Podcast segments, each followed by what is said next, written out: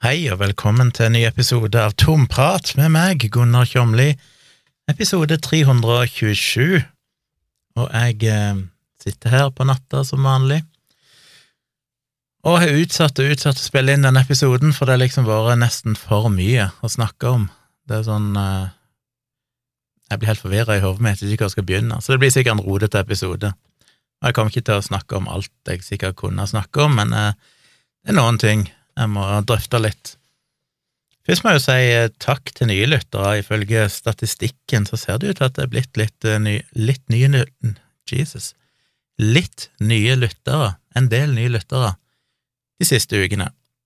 Og det syns jeg er veldig kult. Kanskje det er bare statistikken som plutselig ja, har fått med seg en eller annen ny datakilde eller et eller annet, gudene vet. Men jeg liker å tro at det er kommet en del nye lyttere, så takk for det. Og det er jo et rikt arkiv, 327 episoder. Vil ikke anbefale noen å høre de første, hva er det, 150 eller noe sånt. Stort sett bare De var jo laga bare for Patrion. korte episoder, relativt korte. De var kanskje ikke så korte, jeg vet ikke. Begynte ganske kort. Planen var jo som vanlig å liksom La meg lage en podkast og en halvtimes episode, og så blir det jo alltid lenger. Men øh, og episodene mine bærer vel preg av å være relativt dagsaktuelle, så det er ikke så interessant kanskje å høre gamle episoder. Men du kan jo browse litt i arkivet, iallfall på de siste 50 episodene eller noe så. Ja, siste Nesten de siste to årene. Kanskje siste 100 episodene, så er det vel en del sånne temaer som er dukket opp, som kanskje kan være interessant for folk å høre om jeg snakker om. Jeg får jo noen spørsmål i ny folk som sender mail eller på Instagram sender melding og sånn, og så spør om jeg har sagt eller hva jeg mener om en eller annen sak, og så er det ting jeg har snakket om før. Så det kan jo være lurt å kikke litt i gamle episoder hvis dere er nysgjerrig på det. Men hyggelig, hyggelig med mye lyttere. I livet mitt så har det ikke skjedd så mye spennende. Jeg har jo vært her i Vennesla alene nå, ei ukes tid. Skal bli her ut denne uka, og så tar jeg vel en tur til Oslo igjen. Det mest oppløftende som har skjedd meg eh, i det siste, var vel at i dag så fikk jeg en uh, henvendelse fra en dude i Oslo som driver en uh, rekke restauranter, han er vel tre stykk, skal åpne en fjerde snart, og vil ha fotograf. Og det blir jeg jo glad for, for jeg vil jo gjerne ha flere kunder på fotografering. Dette er jo en fyr som jeg var i kontakt med i fjor, Sendte litt priser, snakka med telefon, på telefon med han. Men så rant det på en måte ut i sanden, jeg hørte plutselig ikke noe mer, så tenkte sånn, ja ja, kanskje han syntes det var for dyrt, eller et eller annet sånt. Men så plutselig fikk jeg en ny henvendelse nå, og jeg satt og sleit. Altså, det å skrive pristilbud er jo Det er det verste i hele verden. For det er så mange hensyn å balansere. I dette tilfellet så er det jo egentlig snakk om fast fotografering, eh, jevnlig.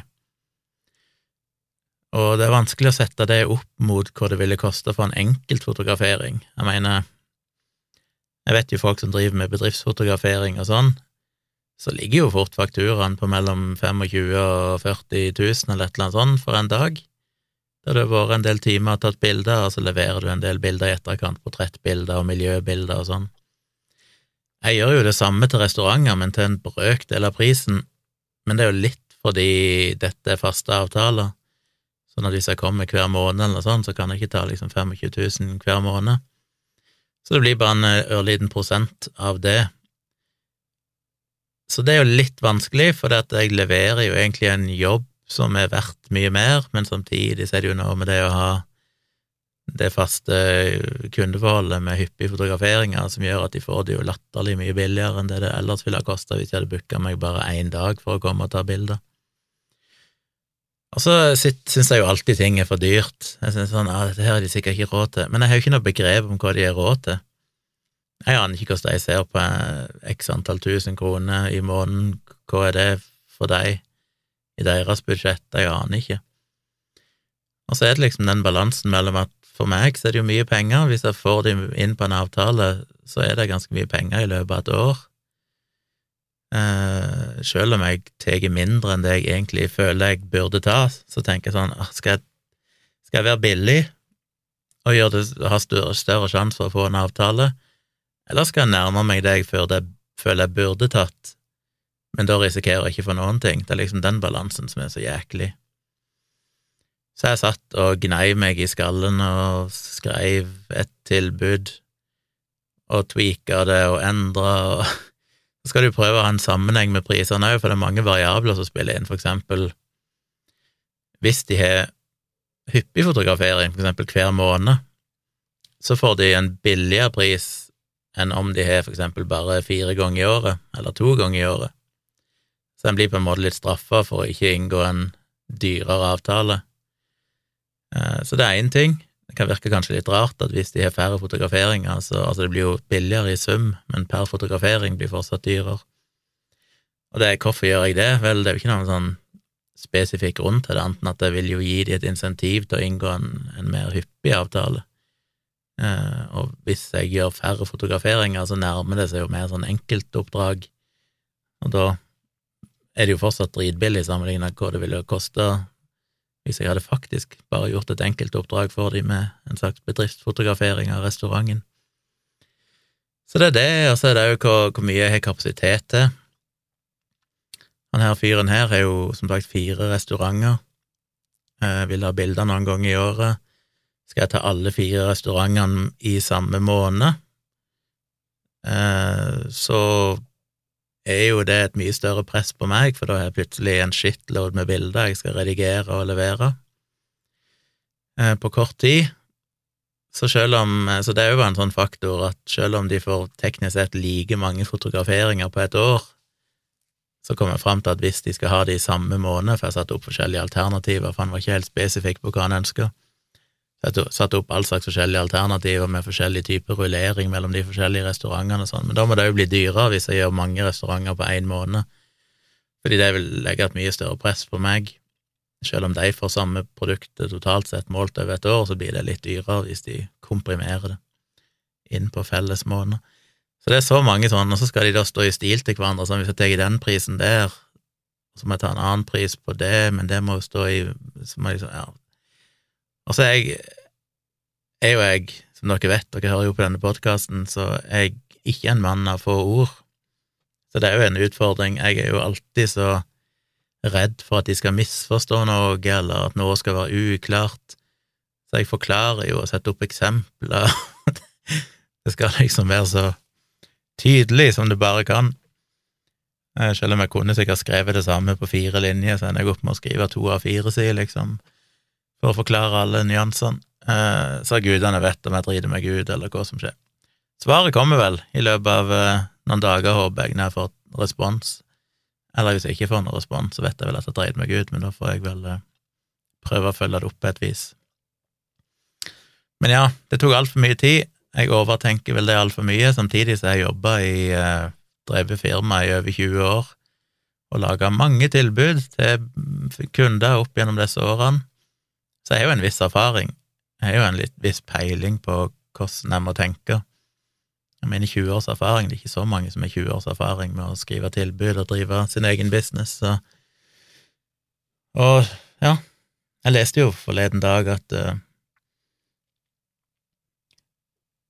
Hva det var vel en eller annen som skrev, tror jeg, en eller annen kommentar, var det i bloggen min eller på Twitter eller et eller annet, skulle liksom ta meg en eller annen antivakser eller et eller annet, som skrev noe om at jeg var jeg burde heller gå tilbake igjen til å være leder for dette firmaet mitt som gikk i dass, eller noe sånt.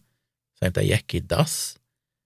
Gjennom Altså, hva var det Nå husker jeg ikke tallene her, men antall prosent av bedrifter som overlever mer enn fem år, er helt sjokkerende lågt.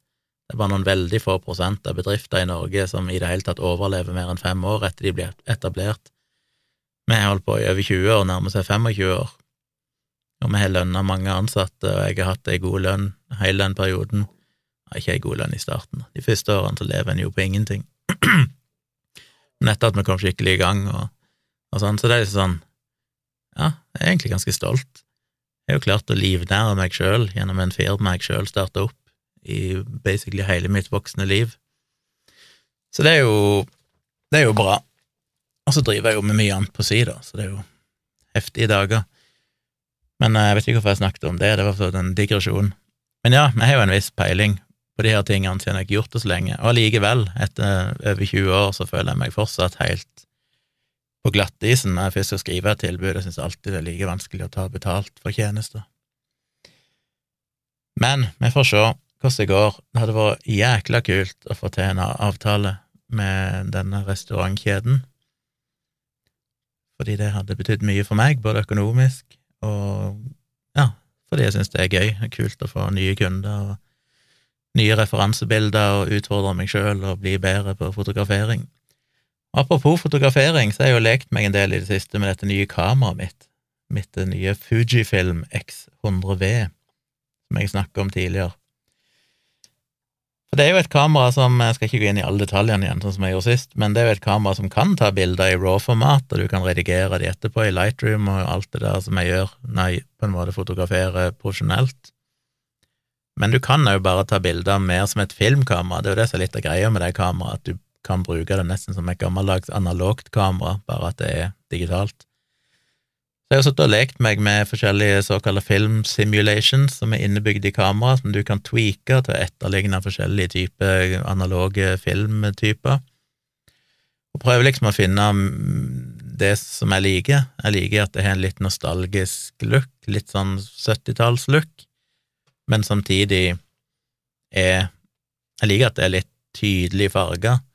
Og noen av disse gamle analoge filmene de hadde jo for eksempel en veldig tydelig rødfarge. Rødfarger ble veldig fremheva.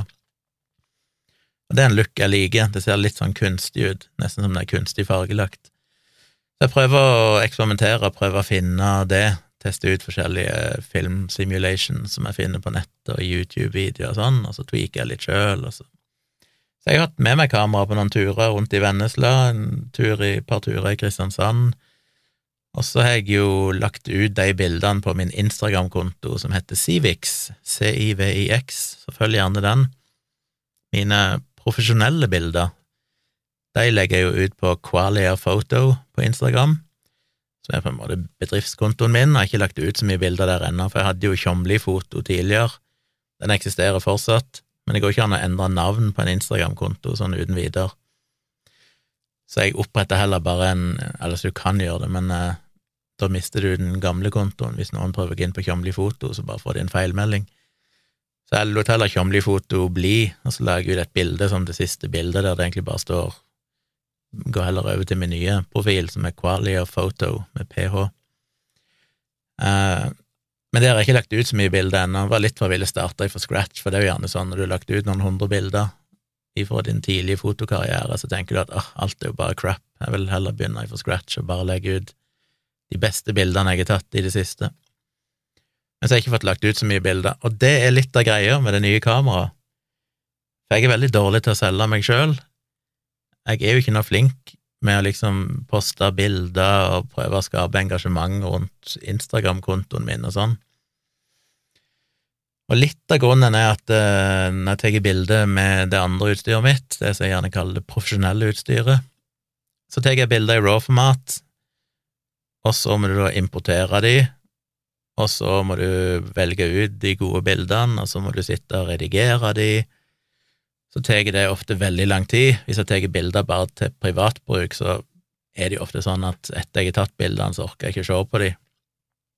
Så først mye seinere så kanskje importerer de, og så begynner jeg å kikke igjennom, og så bare tenker jeg sånn ah, alt er crap. Mister på en måte gløden, så er det veldig sjelden jeg orker å dele noe der. For det er så mye arbeid i forkant. Men litt av greia med det nye X100V-kameraet er at eh, jeg tar bildene rett ut av kameraet, som ferdige JPEG-bilder. Og Det blir jo igjen da litt som film, at den film-simulation du har i kamera, den blir på en måte brent inn i JPEG-filer, ferdig fiks, ingen redigering etterpå, poster bildene straight out of camera. Og det er jo både inspirerende, litt skummelt, men litt av grunnen til det og det som mange sier når de kjøper det hipsterkameraet der, er jo at det gjør de til en bedre fotograf, og det er jo målet mitt, for at jeg har jo blitt litt vant med at når jeg har såpass bra fotoutstyr som lager såpass bra råfiler som du kan gjøre veldig mye med i ettertid uten å ødelegge kvaliteten, hvis det er veldig undereksponert eller veldig overeksponert eller whatever, så kan du stort sett alltid fikse det i, i post, altså i etterkant, postbehandlinga. Eh, og det blir litt sånn hvilepute, for jeg, jeg tar bildene, og så tenker jeg sånn, ja, ja, jeg kan alltid Jeg må liksom bare fange øyeblikket, og så kan jeg gjøre bildene kule etterpå. Men utfordringen med dette kameraet er jo at jeg må få bildet korrekt i kameraet når jeg tar det. Jeg må ha rett eksponering, jeg må ha rett utsnitt, for jeg cropper ikke, altså jeg beskjærer ikke bildene engang, jeg bare tar de rett ut av kameraet og legger de rett på Instagram. Og det er en utfordring, og det merker jeg er nyttig og lærerikt allerede nå, når jeg går rundt med kamera og prøver å finne For det, altså Jeg husker når jeg gikk på ungdomsskolen, så hadde vi tegning, og hun, eh, sikkert mange av dere som har hatt den samme boka, som jeg ennå husker heter Å tegne er å se, som var ei sånn lærebok i tegning. Og det er litt sånn med foto òg, å fotografere, det er å se. For det er jo det det handler om til syvende og sist, det er jo ikke så jævlig nøye hva du gjør med kameraet ditt, det som er utfordringen, er jo å finne motivet. Og det er jo veldig lett å tenke sånn, ah, men det er jo ingenting, ingenting interessant her, jeg må reise til Tokyo, eller jeg må reise til Sør-Amerika, eller et eller annet Island, eller et eller annet interessant sted for å ta fine bilder. Men strengt tatt så kan du gå ut hvor som helst, og så er det masse fine motiver, problemet er å se de. Og det er jo det jeg øver meg på med dette kameraet, det er å gå rundt i Kristiansand, bruke blikket, prøve å se er det en interessant skygge som faller over en bygning, er det en eller annen detalj her som kan være interessant? Og jeg er jo på ingen slags måte superfornøyd med noen ting av det jeg har tatt bilder av så langt, men, men, det er noen få som er sånn ja, der var jeg inne på noe, det var litt interessant. Jeg tok for eksempel bilde av ei måke som sto på en sånn ja, en sånn stolpe som stakk ut av sjøen eh, i Kristiansand, nærme bystranda. Eh, hva er dette? Tresse, er det dette? En sånn fortlignende bygning som ligger bak der. Og så var det en, en stolpe òg på land der jeg sto, og så var det et tau som gikk utover ifra den stolpen jeg sto på, og ut til den stolpen som Måga satt på. Så da prøvde jeg å lage en interessant komposisjon der jeg hadde stolpen som så vidt kommer inn på høyre side i bildet, så du får noe i forgrunnen for å skape litt dybdeeffekt og så følger den linja, da, den, det tauet, det blir liksom en sånn ledende linje ned mot måka, som er fokuset i, i bildet. For det første bommer jeg på fokuset i bildet. Det oppdaga jeg etterpå. Eh, jeg klarer tydeligvis å fokusere på noe lenger bak. Det var jo en av de utfordringene som det vel neppe skjedd med det mer proffe utstyret mitt, for det er så jævlig god autofokus på alt mulig sånn.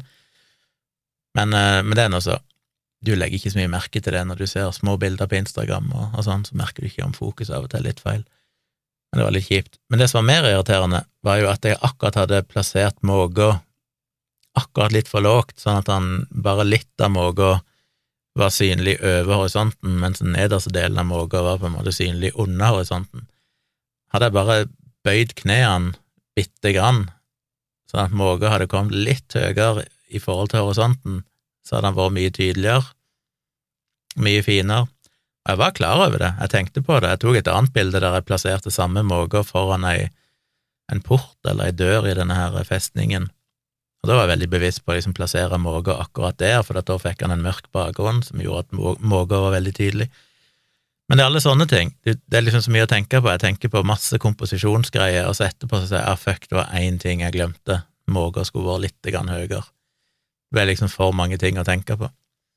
Men det er jo det øvingen består i, det er jo å lære seg det, at de tingene som går på automatikk, at hvis jeg tar det bildet en gang i framtida, så tenker jeg umiddelbart at jeg må passe på at, at måke er plassert der, og at de linjene er sånn, og de linjene er sånn, og lyset faller sånn og sånn, og så i mye større grad få bedre bilder.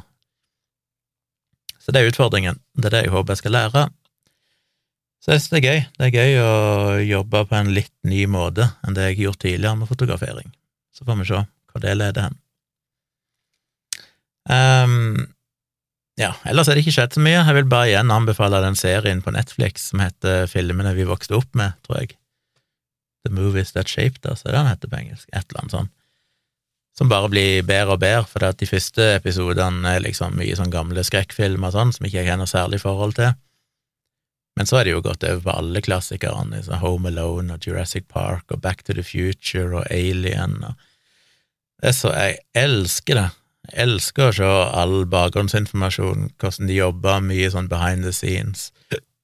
Intervju med alle som var med, ikke liksom nødvendigvis hovedpersoner. De mest kjente Ja, det er noen kjente folk med, men Ofte er det jo mer den som klipper, eller den som uh, caster, eller den som de pleier vel ofte å få med regissøren. Det er vel stort sett fått med i de fleste episodene, tror jeg. Men det er gøy. Hvis ikke du har sett og liker film, sjekk ut den serien. Ligger på Netflix. Mange episoder, mange gode filmer, og felles for det er jo at mange av sånne blockbusterne som er liksom litt ikoniske, ofte var ganske sånn Mange av de var relativt lavbudsjett, bare vidt de ble laga. Mange av de ble liksom Ja, nå ble de stengt ned, nå kutta selskapet finansieringa, men så klarte de å trikse det til, sånn at de fikk det i gang igjen. det er så mye som skjedde, og det var liksom Det er så gøy å se, for det er så vanlige folk, på en måte, som bare jobba beinhardt og satte alle kluter til for å få til dette, for de hadde tro på denne, dette manuset. Og så var de alltid like usikre på ble dette egentlig en bra film eller ikke, men så ble det jo, ja, som vi vet i ettertid, har store suksesser som har levd i 20-30-40 år. Så det er ganske gøy å se at ikke alt er liksom sånn hyperprofesjonell Hollywood, men at det ofte, når du ser hvordan det egentlig skjedde, så var det egentlig ganske, ganske simpelt på mange måter. Så det er min anbefaling. Sikkert mye mer jeg kunne anbefalt, men som vanlig så glemmer jeg jo alt fortløpende, så det er problemet. Det har skjedd en del denne uka, jeg har noen nyhetssaker jeg skal gjennom. Jeg tror jeg begynner med den store, og det er jo denne voldtektsrapporten som kom. Jeg syns jo den er spesielt interessant fordi de som har lest eh, håndbok i krisemaksimering, som er den boka jeg ga ut i 2016, så skrev jeg jo ganske mye om voldtekt, men da gjerne knytta til den debatten rundt innvandring, for at i den tida der så var det jo veldig mye diskusjoner, det var mye flyktninger fra Syria og sånn, og så drev jo alle innvandringskritiske røster og skulle forklare hvordan dette førte til mye mer voldtekter i Norge, og kvinnene var ikke trygge lenger, og bla, bla, bla. Så jeg eh, har jo skrevet en del om det i bloggen, med overfallsvoldtekter, hva det egentlig forskningen viser, og hva det statistikkene viser, og, og sånne ting. Og da gikk jeg jo ganske dypt inn i den forrige NKVTS-rapporten. Um, og tok en del tall der og forklarte ganske mye rundt de tallene. Og Derfor var det interessant at nå igjen, hva er det, er det ni år siden den forrige rapporten kom? Ja, 2014 var forrige gang, så den var jo relativt fersk da jeg skrev den forrige boka. Nå er den ganske gammel, men nå har det jo kommet en ny rapport i 2023. Og så har jo den fått mye medieoppmerksomhet. Og det er jo to aspekter der. Det ene er jo at den har fått mye oppmerksomhet, veldig mange som er sjokkerte over tallene. Og så har du de kontrære, da, som skal selvfølgelig fortelle at dette er overdrevet, dette er bare tull, eh, fordi de er veldig opptatt av at mannfolk selvfølgelig er jo ikke så forferdelige, vi vil ikke ha det på oss at menn driver voldtekt og ja.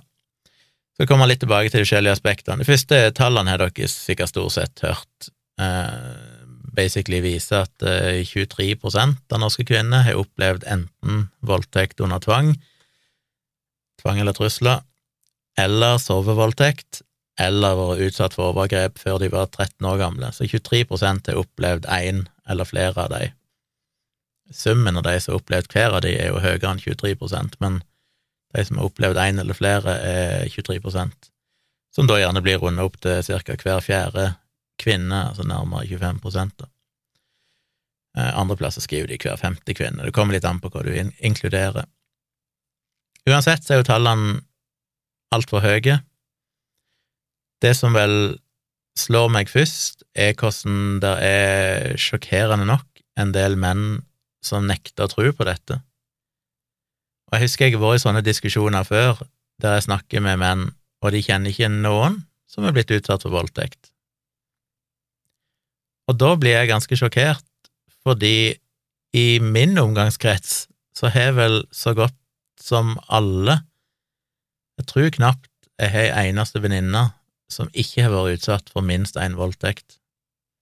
Og det sier selvfølgelig litt om hva for noen folk jeg liker å henge med. Jeg har jo aldri vært den typen som er superglad i å være sammen med A4 mennesker. Så jeg, jeg, jeg, det er jo ikke et representativt utvalg, sånn sett. Men eh, ja, det er det ene, og det andre er jo det at kanskje de tør å fortelle meg det, hvorfor jeg Ja. Hvis du har, flere venninner, og du har aldri hørt at noen av de er blitt voldtatt, så har du kanskje aldri hatt en skikkelig prat med dem. Men jeg har hørt det fra stort sett alle jeg kjenner, eh, så godt som alle damer jeg har data noen gang tidligere og blitt kjent med, har jo fortalt at de har vært utsatt for enten voldtekt eller iallfall ulike typer overgrep som er ganske grove. Så for meg er det ikke sjokkerende. I min omgangskrets blant kvinner jeg har noen som helst relasjon til, så er jo tallet så godt som 100 eh, Som selvfølgelig ikke er representativt, men, eh, men det sjokkerer meg ikke. og det, det, det, er jo mye mer sjokkerende med folk som da, som jeg sa, ikke kjenner noen som er blitt voldtatt, for det sier jo ganske mye om de mennene, i så fall, vil jeg påstå. Så tallene burde ikke sjokkere noen, egentlig. Heller ikke hvis en har fulgt dette temaet i noen år, eh, eller bare tenker litt, holdt jeg på å si. Det, vi vet vel nok om dette til at dette ikke burde være supersjokkerende. Denne rapporten tar òg for seg vold eh, og partnervold og diverse andre ting. Jeg skal ikke gå inn på det, nå skal jeg fokusere primært på det som er vold og overgrep. Så tallene burde ikke sjokkere, de er selvfølgelig altfor høye. Eh, så er det ett aspekt ved de jeg nok vil Altså, kanskje jeg skal ta utgangspunkt i det på denne måten ved å se på Norges eh, Hva er det noen omtalte han for på Facebook i dag? En First Price-versjon av Kjetil Rollnes. Som var en god karakteristikk, men altså Espen Goffeng, som har skrevet en kronikk i, dag, nei, Nettavisen som heter Kan det virkelig stemme at Norge har like høye voldtektstall som de verste krigssonene i verden? skal lenke til den i, i shownotes, men kort sagt så er jo argumentet hans som tar utgangspunkt i Kongo, at det har vært gjort noen undersøkelser i, i Kongo som er blitt beskrevet som verdens voldtektshovedstad, der voldtekt blir brukt som våpen i langvarige konflikter og kriger. Uh, ja.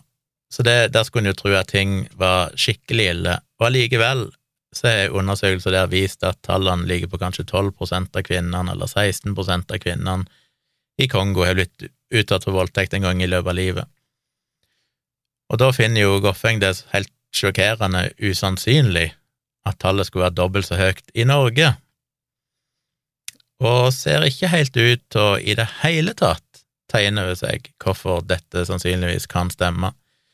Jeg skriver jo ganske mye om det nettopp i håndbok i krisemaksimering, der jeg trekker fram for eksempel en tilsvarende statistikk, som jo nå er ganske mange år gammel, og nå husker jeg ikke tallene der, men det var et eller annet som gikk på, på dette med hvor mange svenske kvinner som hadde vært utsatt for en eller annen form for seksuell trakk, Det var litt mildere, det var ikke voldtekt, men det var liksom voldtekt eller overgrep, jeg tror det inkluderte seksuell trakassering òg, i en eller annen grad.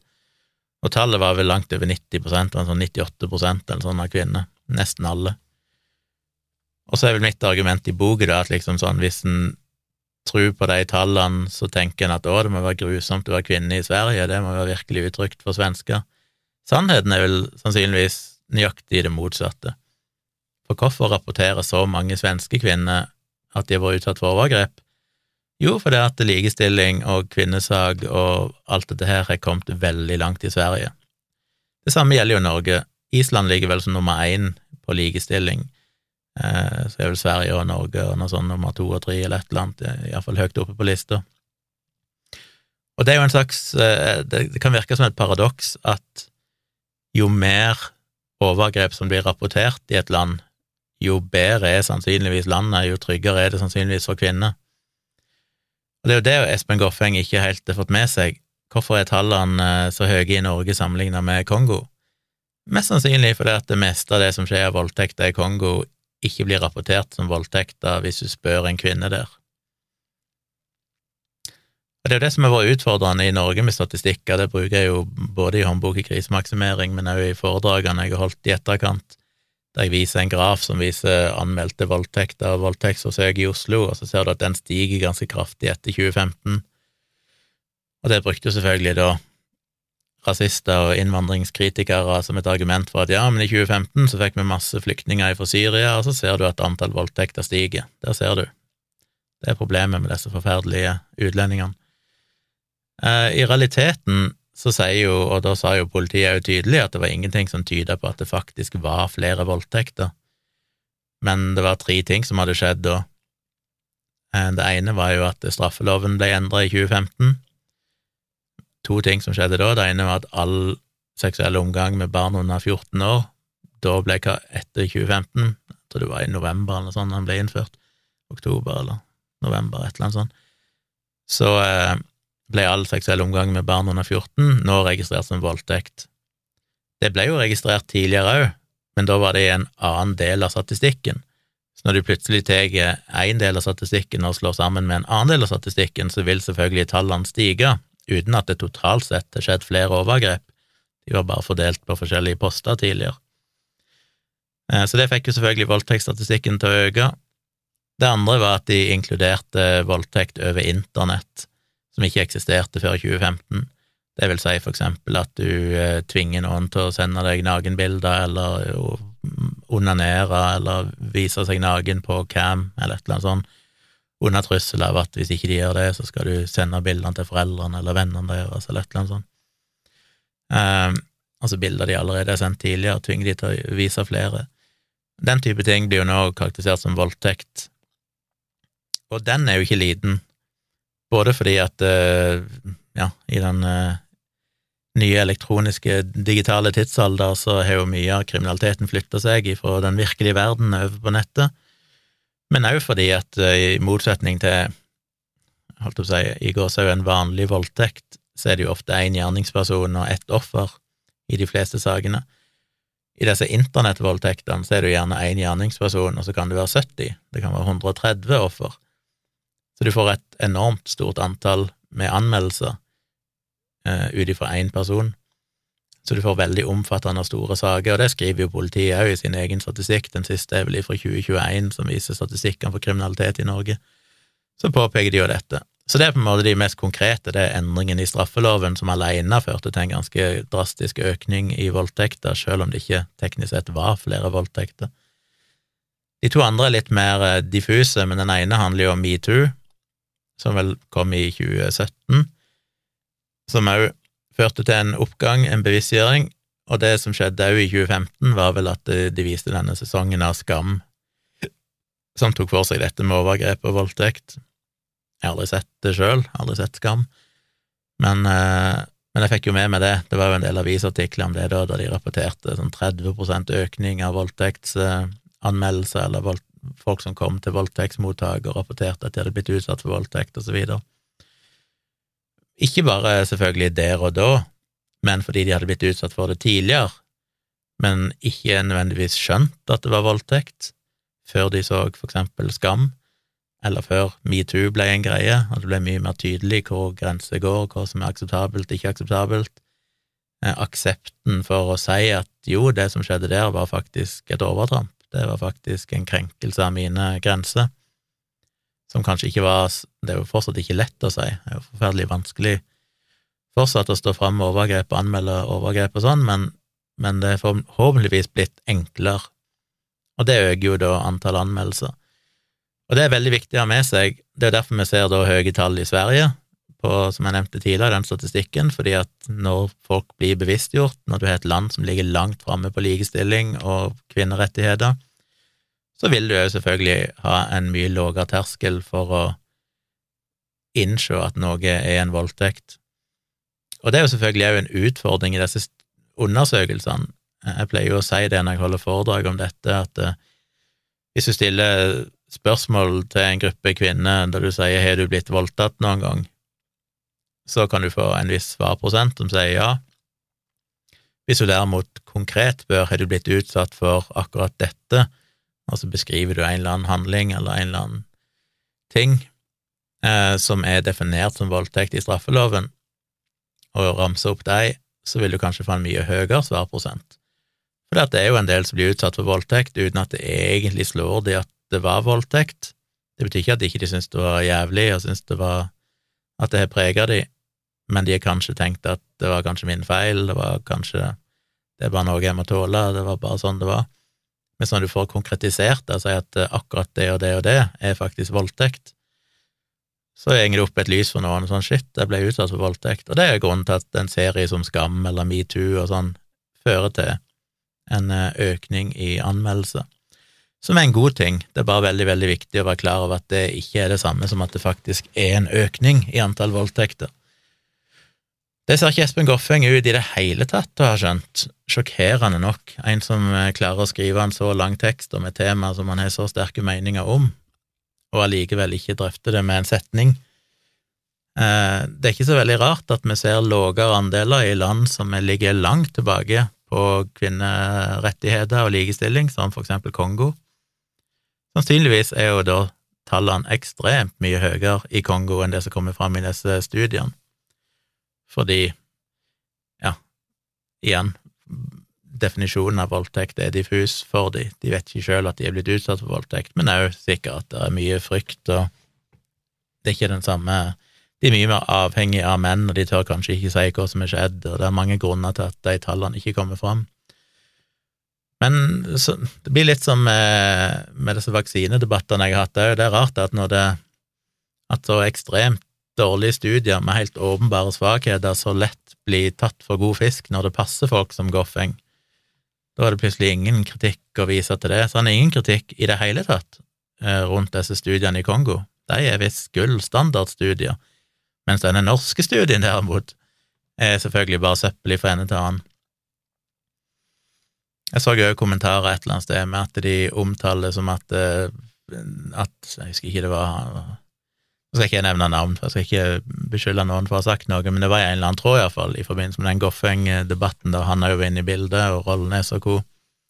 Jeg vet ikke hvem som sa dette, men det ble jo antyda selvfølgelig at dette var jo kvinner som angra seg, og kvinner som ja, holdt på å nesten skrøt på seg voldtekt. Goffeng er jo inne på det samme her, da, da han trekker fram denne amerikanske undersøkelsen på amerikanske universiteter som fikk mye oppmerksomhet for noen år siden, der det ble nevnt at én av fem studenter hadde blitt utsatt for voldtekt, og så ble det mye kritikk av den. Og så nevner han for eksempel at det var for eksempel ett eksempel der det var ei, en av hovedhistoriene i en film som ble laga om dette, det viser seg jo seinere å være en blank løgn. Så argumentet hans Da insinuerer han jo på en måte at mange av de som er blitt spurt her, lyger. At man ikke stoler på disse tallene, for det er mange kvinner som lyger om at de er blitt voldtatt som jeg gjerne skulle sett at han hadde noe som helst grunnlag for å hevde, for det er bare en påstand han kom med fordi det var én sak i den amerikanske dokumentaren om dette som viser seg å være fake, så kan vi ikke stole på den norske undersøkelsen, som jo er et ganske absurd argument å komme med. Det virker jo heller ikke som at han i det hele tatt har lest rapporten. Han siterer en gang ifra rapporten. Eh, jeg kan ikke tenke meg at han har lest rapporten jeg har lest den to ganger eh, i sin helhet. Jeg skumma gjennom det som handler om vold og andre typer ting, men jeg har lest alt som handler om spesifikt om voldtekt og overgrep, to ganger både når han kom og igjen og før jeg snakket i denne podkasten. Og de er ganske så nøye på metoden sin. Eh, Faktisk.no har jo gjort en, eh, en, sak der de intervjuer de som sto bak studien, og drøfta litt de forskjellige potensielle svakhetene i studien, som for eksempel en låg svarprosent og så. Det er jo et argument Goffeng trekker fram, at disse tallene er helt upålitelige, for det er låg svarprosent og, og sånn. Ja, det er et problem at det er låg svarprosent.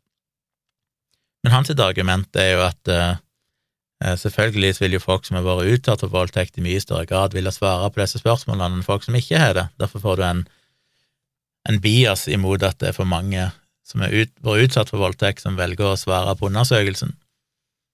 Hvis han faktisk hadde lest rapporten, så ville han ha sett at det drøfter de ganske så inngående gjennom rapporten, og viser hvordan de har prøvd å bruke forskjellige metoder for å både fjerne den biasen, men også sjekke om den biasen er til stede. Eh, nå husker ikke jeg detaljene i hvordan de gjorde det, men poenget er at de har brukt mye tid og mye ressurser på å prøve på det, for de er jo selvfølgelig smertefullt, smertelig klar over at det kan være en svakhet. Og samtidig så er de veldig tydelige på at selv om de mener at de har gjort det de kan for at disse tallene skal være representative, og ikke finner noe grunnlag for å se at de skal være forskjøvet skeive på noen selvs måte, så er jo det selvfølgelig en potensiell svakhet som gjør at de kan ikke gå veldig bastant ut med noen, med noen tall. Um, det går er rett i, er jo selvfølgelig at uh, media rapporterer dataene fra rapporten mye mer bastant enn det rapporten sjøl gjør.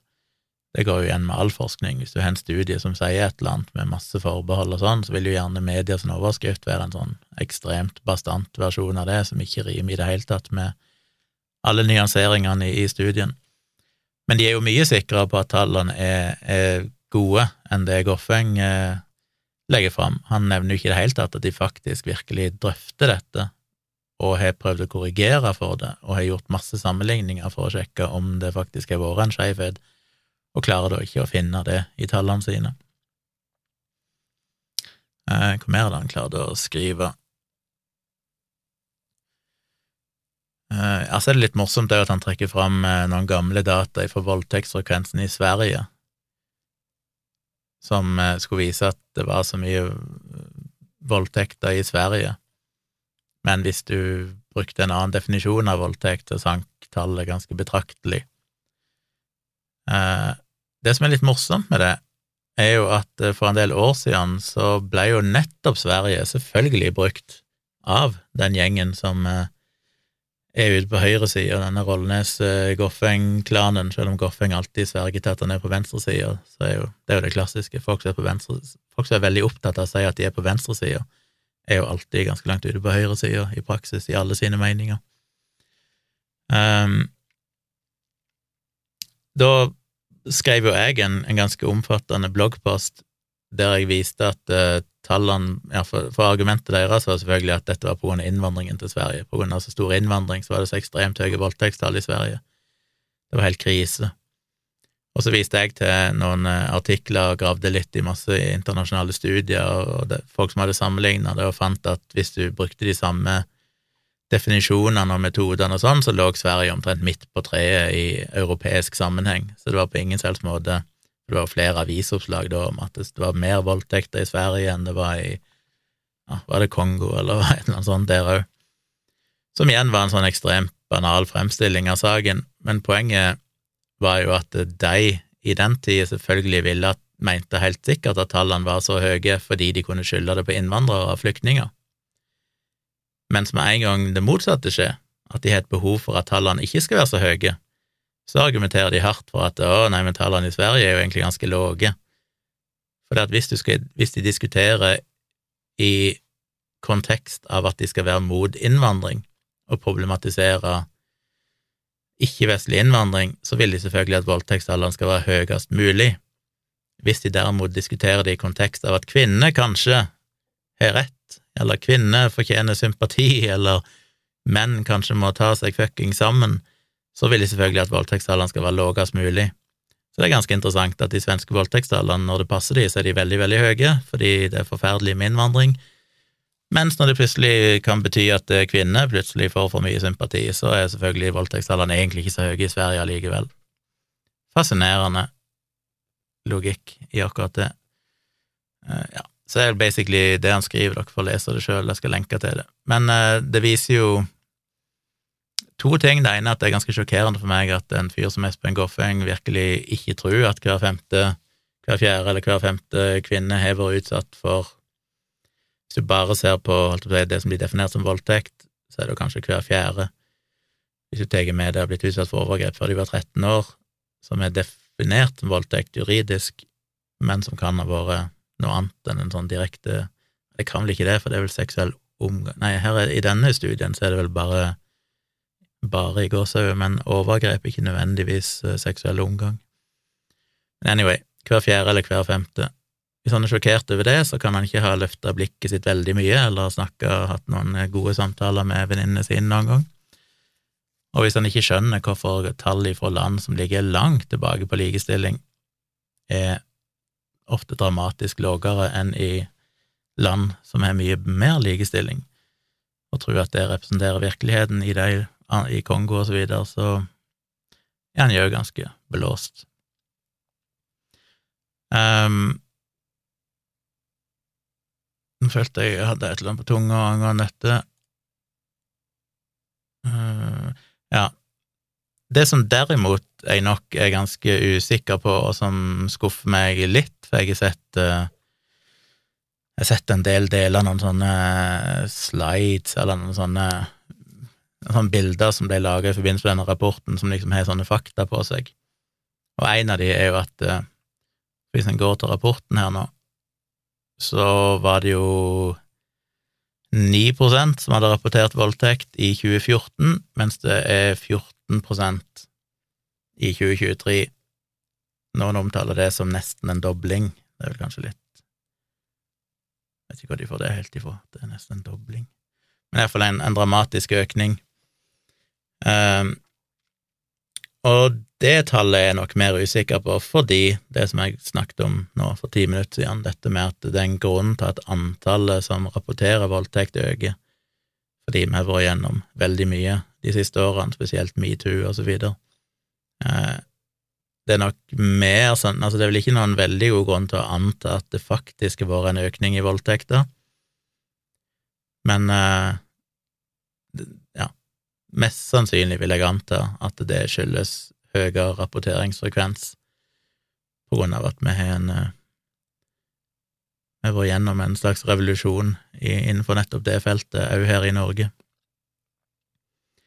Eh, og dette er litt skuffa over at det er en del som har delt som en sannhet, for hvis du leser rapporten, så er jo dette det punktet de er mest usikre på. De er jo veldig tydelige på at de kan ikke slå fast at det har vært noen reell økning, Eh, undersøkelsen viser den økningen, men de aner ikke om det faktisk skyldes, eh, som jeg sa, bare lavere terskel for å innrømme at, eller innse at den er blitt voldtatt. En annen ting som jeg òg må nevne, er jo at eh, i denne rapporten, det som på en måte er bra, er jo at de har hatt en veldig konkret og eh, holdt på å si ekstrem definisjon av voldtekt, som jo dessverre er i tråd med den norske loven, som jo Norge har fått mye kritikk for, òg av hva er det, er det Amnesty, eller hvem er det som har kritisert Norge for at vår definisjon av voldtekt i loven er jo fortsatt at det må ha blitt gjort at det er seksuell omgang under tvang eller trusler. Um, ikke nødvendigvis at det handler om samtykke i seg sjøl. Så her er det jo definert voldtekt, det er jo de to typene voldtekt de har tatt for seg i rapporten, er jo den ene som de òg gjorde i 2014, som har dette med å ha blitt utsatt for seksuell omgang, penetrering i skjede eller anus, eh, eller måtte ja, eller oralt, forskjellige sånne ting, men under tvang eller trusler. Det er ganske spesifikt. Det er ikke snakk om at noen hadde sex med noen, og så angrer de seg etterpå, som noen prøver å bortforklare det med, liksom, ja, det er typisk kvinne, bare angrer etterpå, og så sier de at de var voldtekt. Det faller jo teknisk sett ikke inn under disse, denne definisjonen. Selvfølgelig kan de som svarte, ha valgt å se vekk fra den spesifikke definisjonen og bare si at nei, men jeg ble voldtatt. Men hvis en antar at de fleste har forholdt seg til den definisjonen i spørsmålet som ble lest opp, veldig konkret, og spørsmålene ligger ute på nettet, du kan se det i den faktisk.no-artikkelen, så ser du hvordan de er formulert, de er veldig spesifikke. Eh, så kan vi lese en av de, skal vi se. For eksempel, har noen, mann eller kvinne, noen gang tvunget deg til å ha samleie ved å bruke fysisk makt eller ved å true med å skade deg eller noen som står deg nær? Er det ja, nei eller vet ikke, jeg ønsker ikke å svare. Har noen, mann eller kvinne, noen gang tvunget deg til å ha oralsex ved å bruke fysisk makt eller ved å true med å skade deg eller noen som står deg nær? Har noen, mann eller kvinne, noen gang tvunget deg til å ha analsex ved å bruke fysisk makt, bla, bla, har noen, mann eller kvinne, mot din vilje noen gang puttet fingre eller objekter inn i din vagina eller anus ved å bruke fysisk makt eller ved å true med å skade deg? Altså, dette er jo veldig ja, veldig sånn tydelige Du skal være ganske vrang hvis du sier at eh, ikke noen av de er kvalifisert til voldtekt.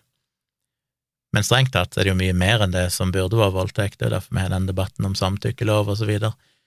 Um, så det er jo veldig rart at det er de som har den kritikken med at eh, å ja, men eh, det er så mye som blir kalt for voldtekt nå til dags, og bla, bla. De har jo faktisk ikke lest rapporten og sett at her er de veldig spesifikke, og de, de definerer jo voldtekt som noe veldig snevert. Tallene hadde jo vært mye høyere hvis de faktisk hadde brukt en samtykkebasert definisjon av voldtekt. I tillegg til det som jeg nevnte her nå, så inkluderte de jo òg i denne nye 2023-rapporten, som de vel ikke gjorde i 2014, så tok de med dette med sovevoldtekt. Jeg vet ikke helt hvordan spørsmålet er formulert der, men det, det er vel relativt enkelt å, å forstå, eh, som jo òg åpenbart er voldtekt. Det de ikke har tatt med, er jo for eksempel har du blitt utsatt for samleie, eller blitt tvunget til samleie mens du var veldig berusa, eller var rusa på et eller annet stoff, eller mange andre situasjoner der du kanskje ikke er i stand til å gi ditt samtykke. Eller, som jeg vil tro de aller fleste voldtektene gjerne består av, ikke nødvendigvis er tvang eller fysiske trusler, men er mer det at noen har sex med noen som ikke eksplisitt sier nei, men som kanskje er edru eller edru nok til å kunne si nei, men de sa aldri nei.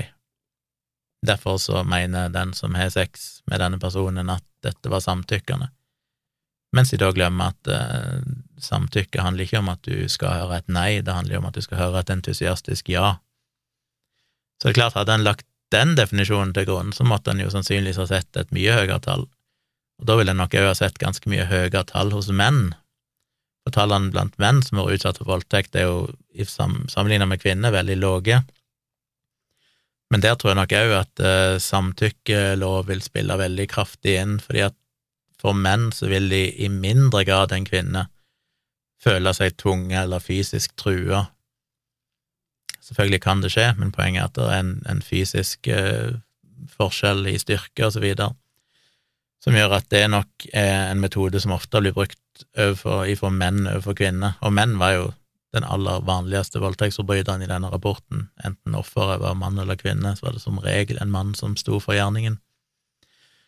Mens hvis den derimot hadde definert det som har du hatt sex mot din vilje, selv om det ikke var tvang, selv om det ikke var trusler, selv om ikke du var dritings, så tror jeg nok eh, tallene for menn vil stige ganske så kraftig, òg for kvinner, definitivt, men jeg tror stigningen for menn relativt sett vil være ganske mye kraftigere enn han vil være for kvinner.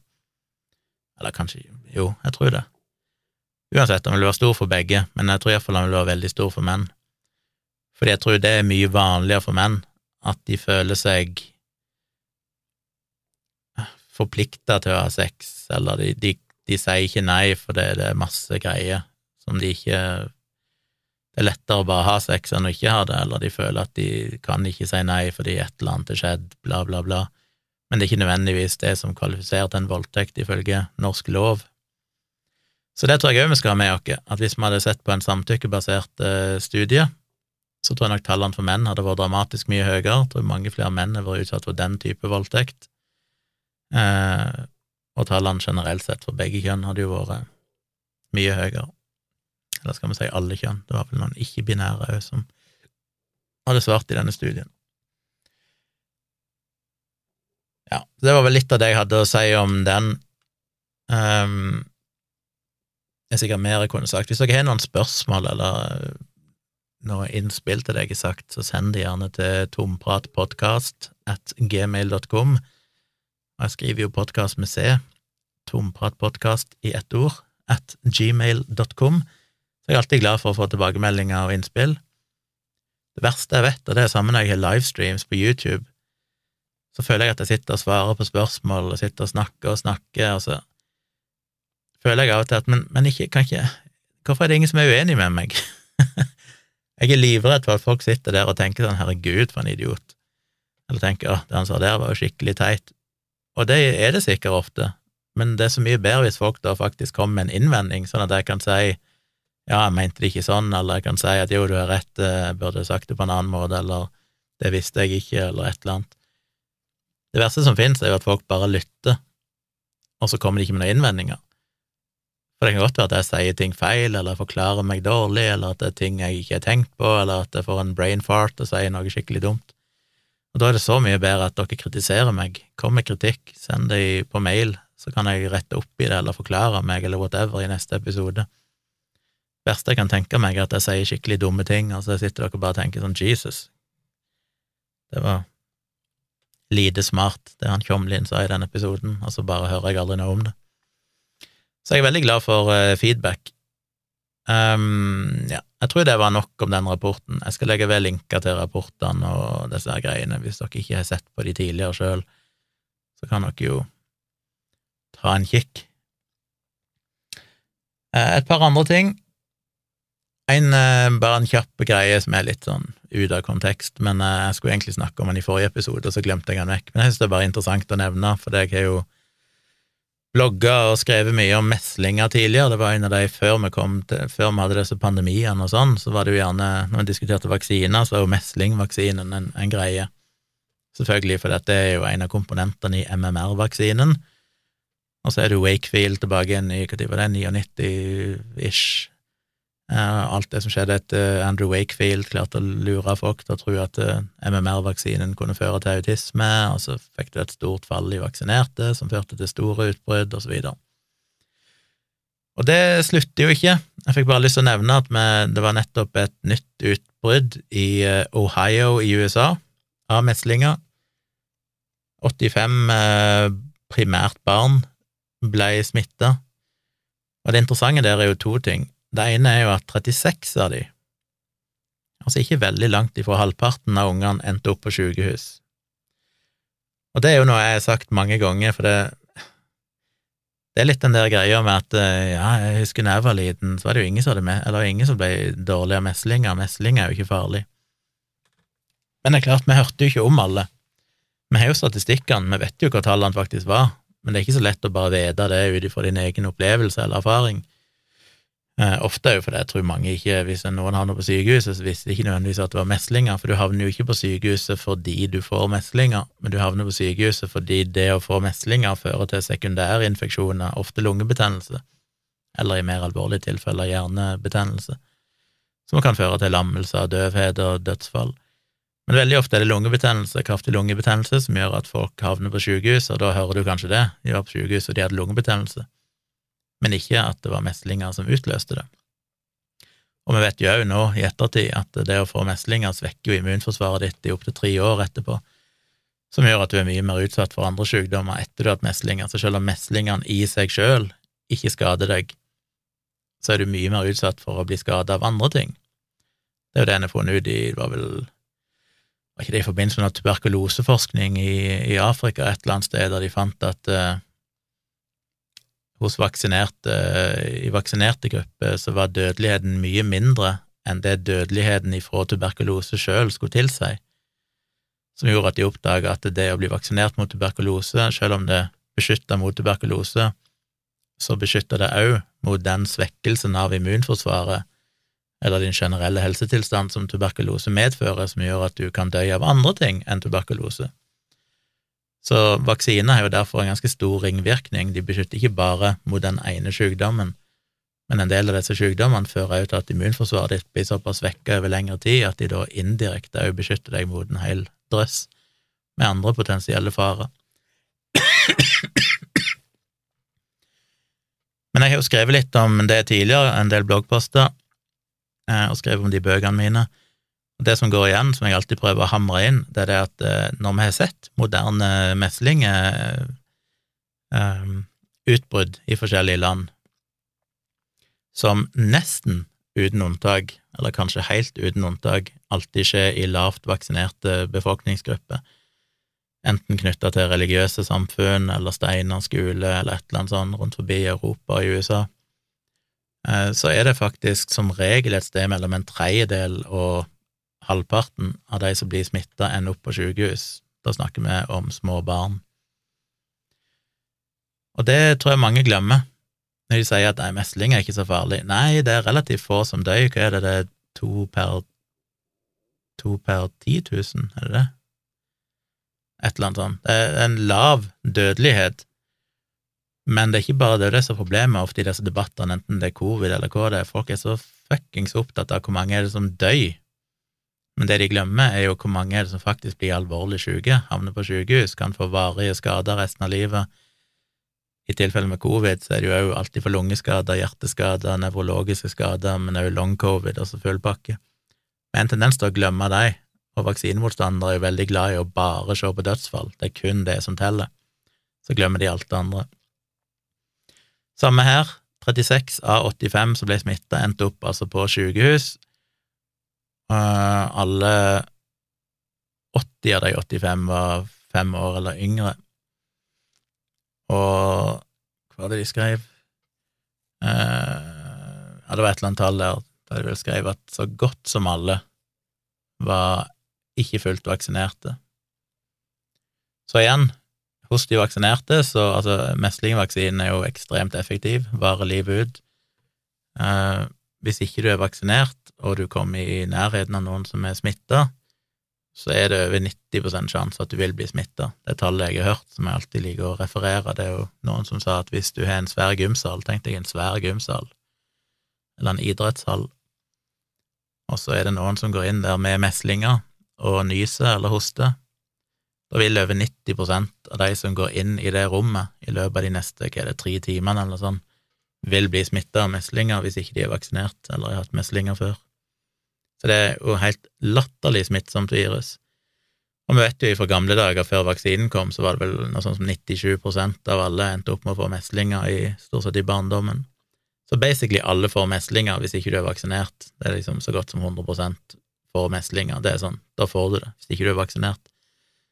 Så med en gang du har ei gruppe, da er et eller annet miljø, religiøst miljø, eller det har vært en del innvandrermiljøer i USA som har hatt lav vaksinedekning fordi de har blitt lurt av vaksinemotstandere til å tro at vaksinene er livsfarlige og alt det der, så får du disse utbruddene.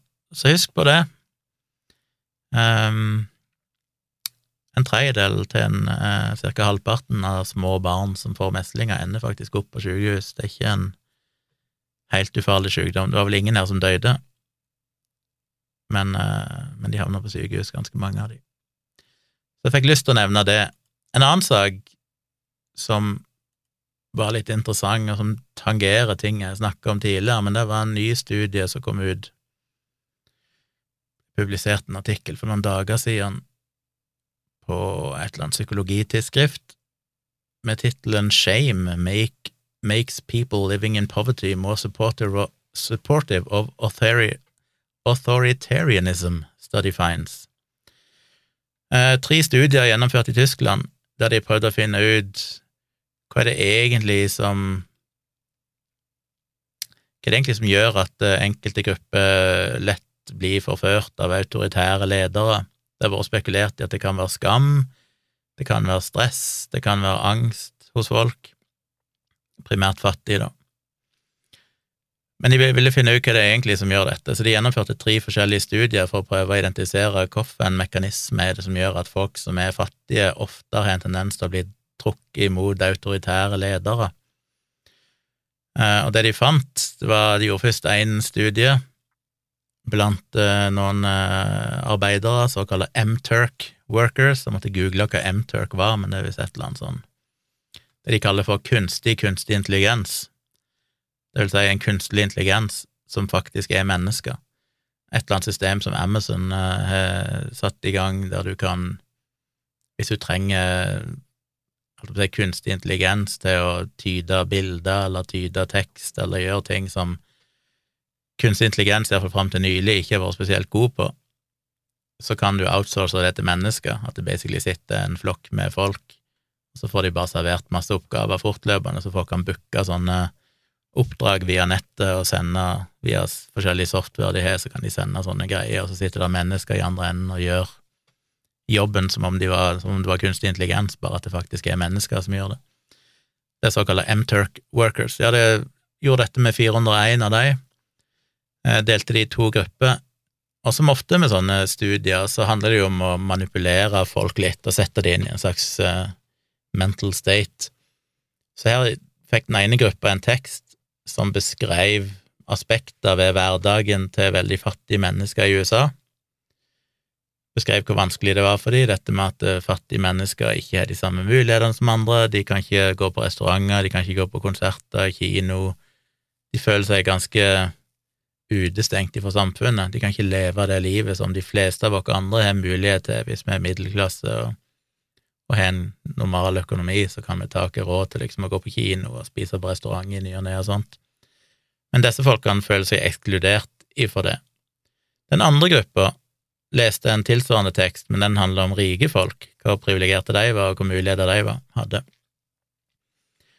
Eh, og etter de hadde lest disse tekstene, så skulle de da skrive noen setninger som beskrev i hvilken grad de sjøl identifiserte seg med den beskrivelsen de hadde lest, da, hvordan de var like, hvordan likhetstrekk de hadde, sånn at de på en måte måtte interne, internalisere det. Internalisere, er det dette?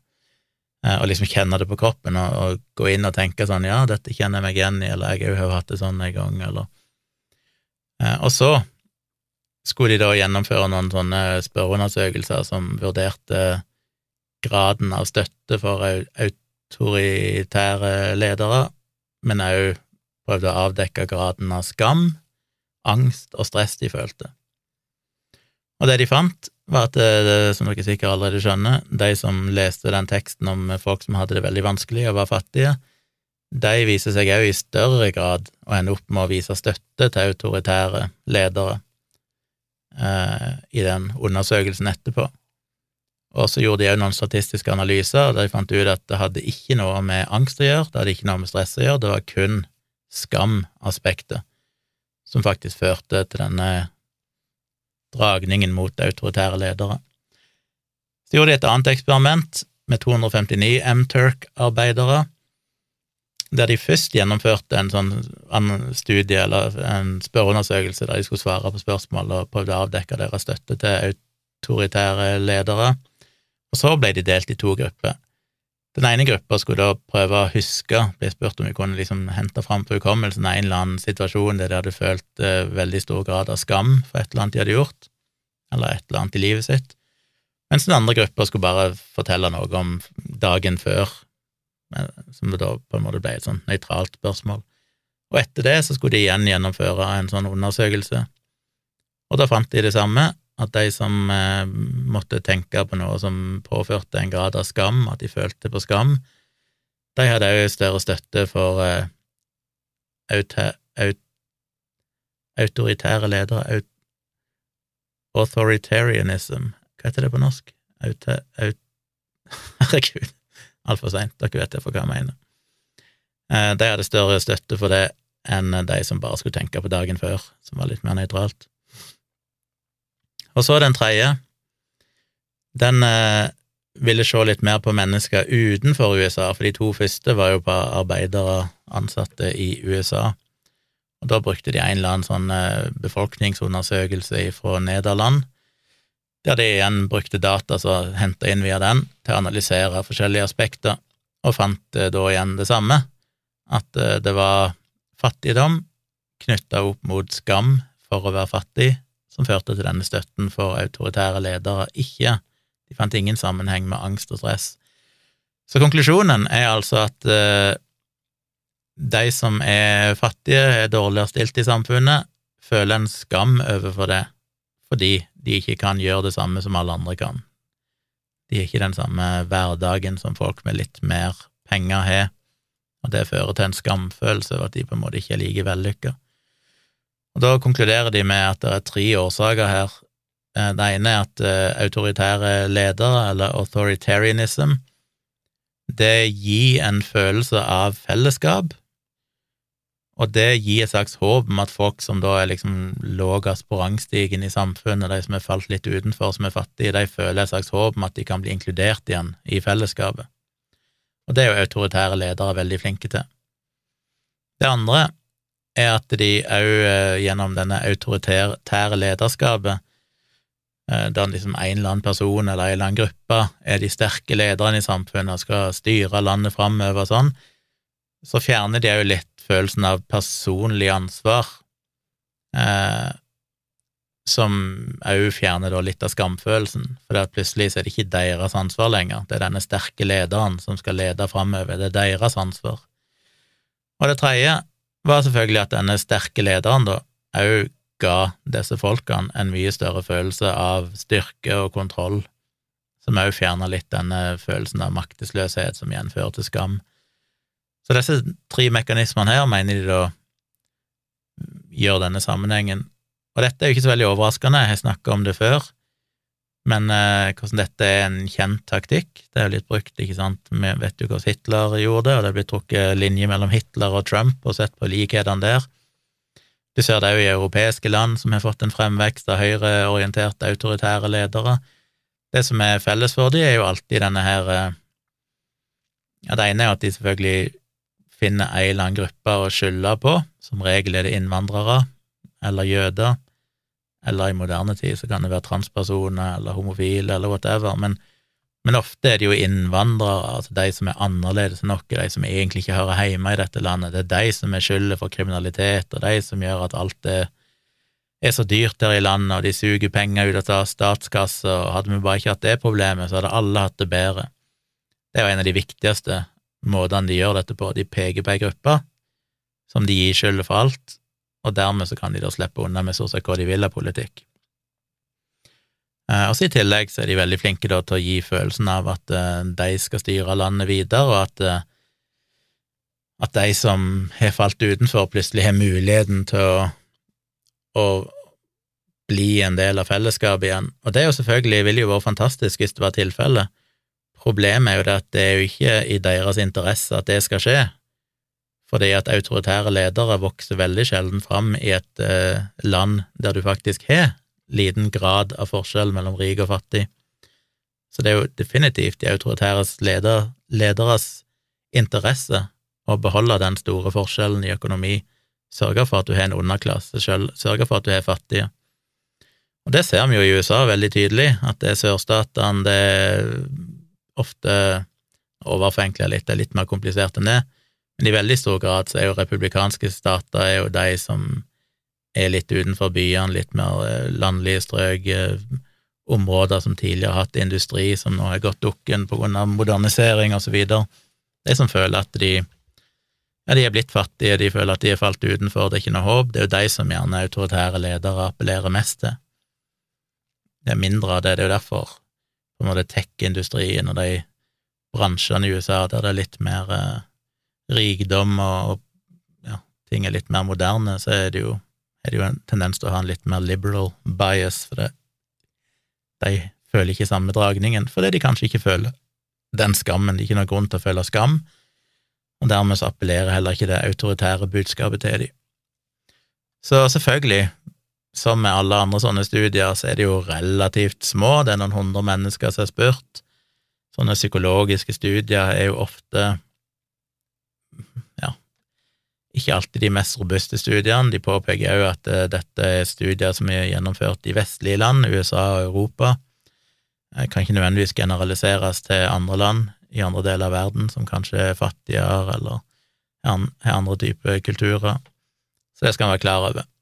Men eh, sammen med alt annet data som peker i den retningen, så er jo dette en, etter mitt syn en plausibel del av forklaringa og som òg viser hvorfor det er så viktig for autoritære ledere å sørge for at du har en underklasse og folk som er fattige og lider.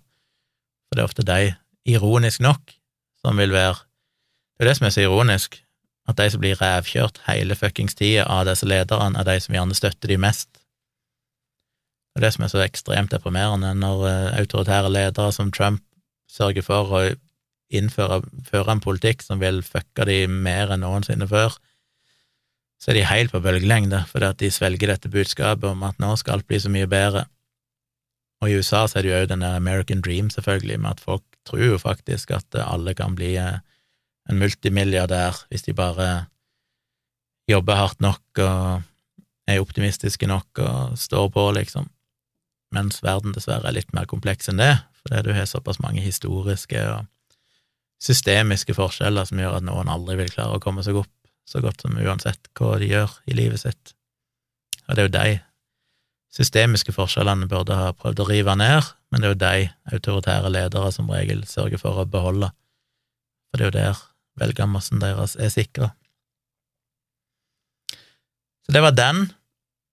Eh, og så må jeg òg nevne den eh, kronikken av eh, Anders Heger som heter, i Aftenposten, som heter Et forsvar for den sensitive lesning. Det er jo flere som har delt den som en hyllest. Jeg har jo fått den tilsendt på mail. Veldig bra, skrevet av Anders Eger, der han tar for seg disse foreslåtte endringene i bøkene av Roald Dahl og så videre, og forklarer hvorfor det kanskje er nødvendig. Jeg syns jo det er en fryd å lese, fordi han basically sier det samme som jeg sa i var det forrige eller episoden før det, der jeg òg argumenterte med at poenget. Det er jo to grunner. Det ene nevner jo, han nevner vel den ene òg. Han sier det er to grunner til at bøkene blir endra. Det ene er at de enten er beregna på barn, og vi ønsker å ha de bøkene med oss i framtida. Alternativet er at de havner på dynga.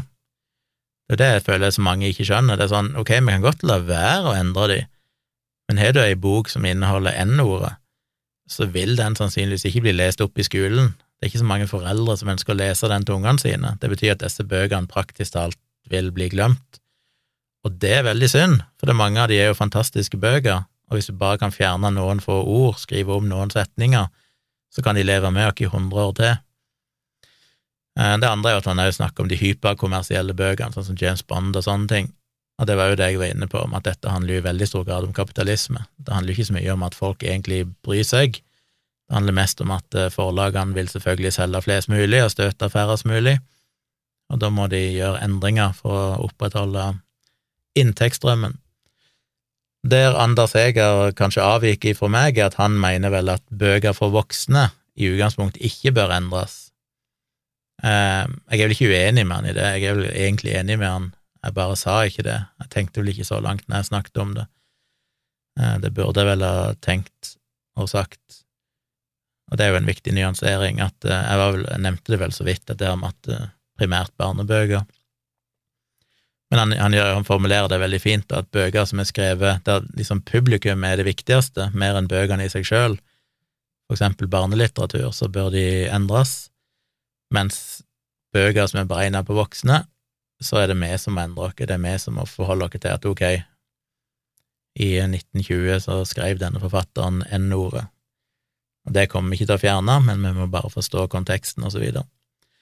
Men han skriver jo eksempler med bøker som Hva er det han nevnte, det var et eller annet eksempel her, med bøker som dessverre har forsvunnet fordi at eh, de ikke ble endra, og dermed så ble de uspiselige. Og det er jo realitetene. Det er jo det vi ville sett. Vi ville jo ha sett at disse bøkene forsvant på søppelhaugen etter hvert, og det er jo helt unødvendig. Så, så ja. Eh, jeg følte meg ganske når, jeg sa det i den podkastepisoden, så følte jeg at 100 eh, av alle andre takes jeg hadde sett, gikk jo på det motsatte, at dette var helt uakseptabelt. Jeg følte jeg var ganske aleine i å, mene at mm, kanskje det ikke er så veldig Nei, jeg var ikke helt aleine, jeg nevnte vel noen andre jeg hadde sett på Facebook som hadde formulert det fint òg. Men det var litt hyggelig å se at Anders Eger skrev denne kronikken, for da følte jeg eh, at eh, yes, det var det var det jeg òg sa. Godt sagt, Anders. Hadde noen flere linker, noen flere faner oppe? Skal vi bla gjennom alle fanene mine. En siste her jeg kan nevne fort, men det er en ganske deprimerende sak. Uh, Facebook and Google are handing over user data to help police prosecute abortion seekers. Dette er jo en stor debatt som går på dette med personvern og alt dette her, men deprimerende å se at de viser her nå at uh, Meta, altså de som eier Facebook og Instagram og sånn, eh, hundretusenvis av ganger i året så blir de jo kontakta av politiet for å få utlevert data om brukere.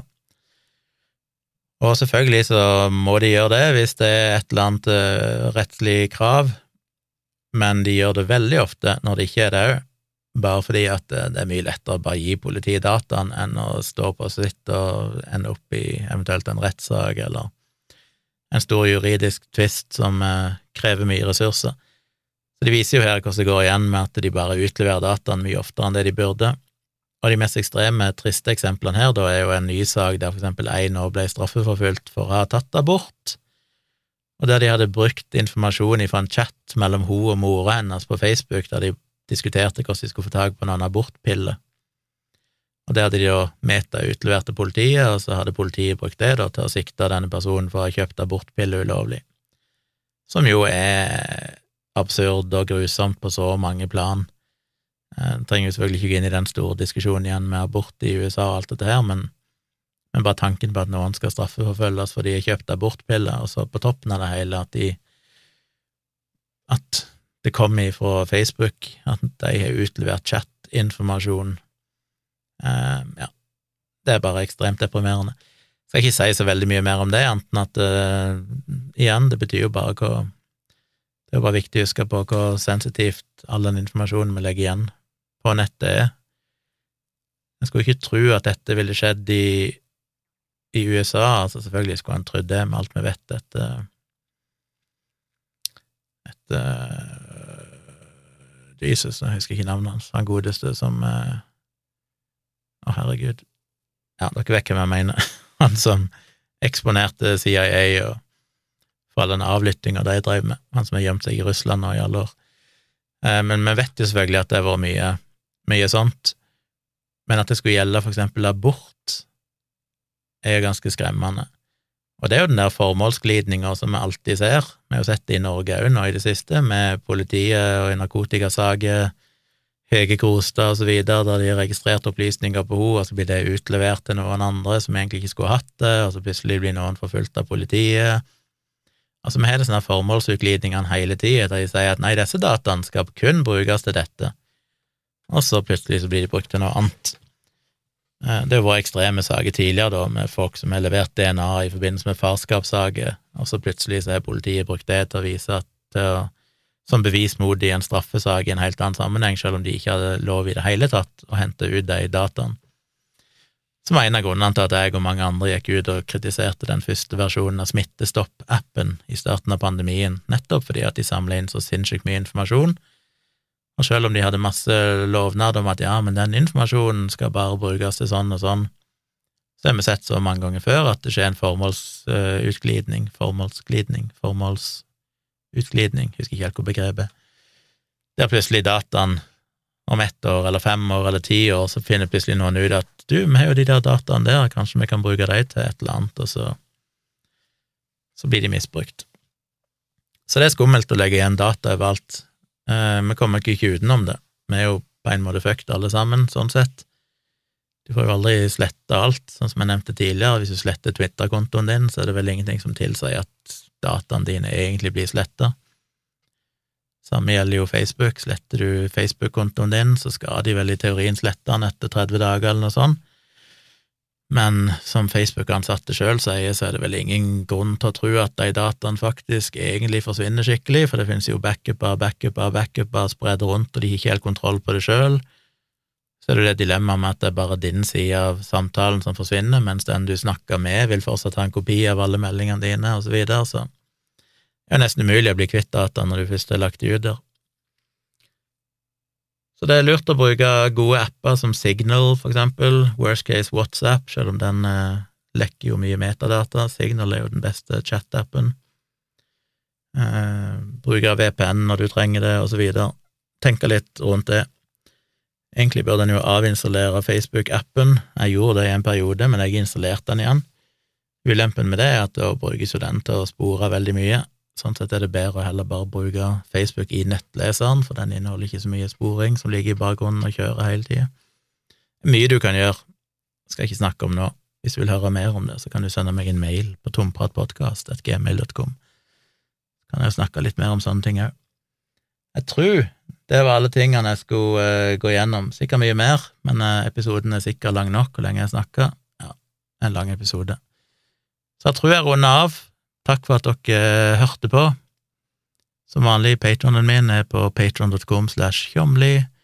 Bøkene mine kan dere bestille på tjomli.com slash bestill. Sjekk ut bildene mine på qualia.no. Vil gjerne ha fotooppdrag. Min Instagram er på Civix.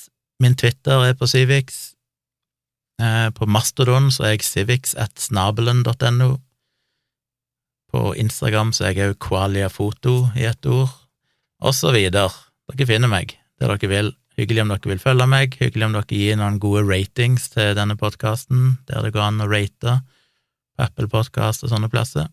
Setter jeg veldig pris på. Det betyr jo ganske mye for å bli synlig der ute i den ville podkastverdenen. Ja, fikk meg til å nesten begynne på en rant om NRK og podkaster. Men eh, men det skal jeg ikke gjøre annet enn å bare si at hvis en podkast ikke ligger åpent på nettet, så er det ikke en podkast, da er det en radiosending. Hvis NRK lukker podkastene sine inn i sin egen app, så er det ikke lenger en podkast, om de slutter å kalle det podkast, for det er ikke definisjonen av en podkast. Nok om det. Jeg runder av. Eh, litt usikker på om det blir livestream i morgen, kommer litt an på jobb og litt andre ting. Men eh, det dukker opp hvis det dukker opp, så følg med inne på Tvilsomt med Tjomli, eller på Facebooken min eller Twitter. Så ser dere hvis det plutselig starter en livestream en eller annen gang utover kvelden. Kanskje jeg starter litt seinere, hvis det Vi får se. Jeg tør ikke love noe i dag, for jeg vet ikke helt hvordan morgendagen blir, men eh, godt mulig at det blir en livestream. Så veldig, veldig kult om dere vil joine den òg. Og så er jeg vel tilbake igjen i neste uke, vil jeg anta. Kanskje i slutten av denne uka, hvis skjer noe veldig gøy og jeg har tid til å snakke om det, men ellers neste uke. Yes, da takker jeg for meg. God natt.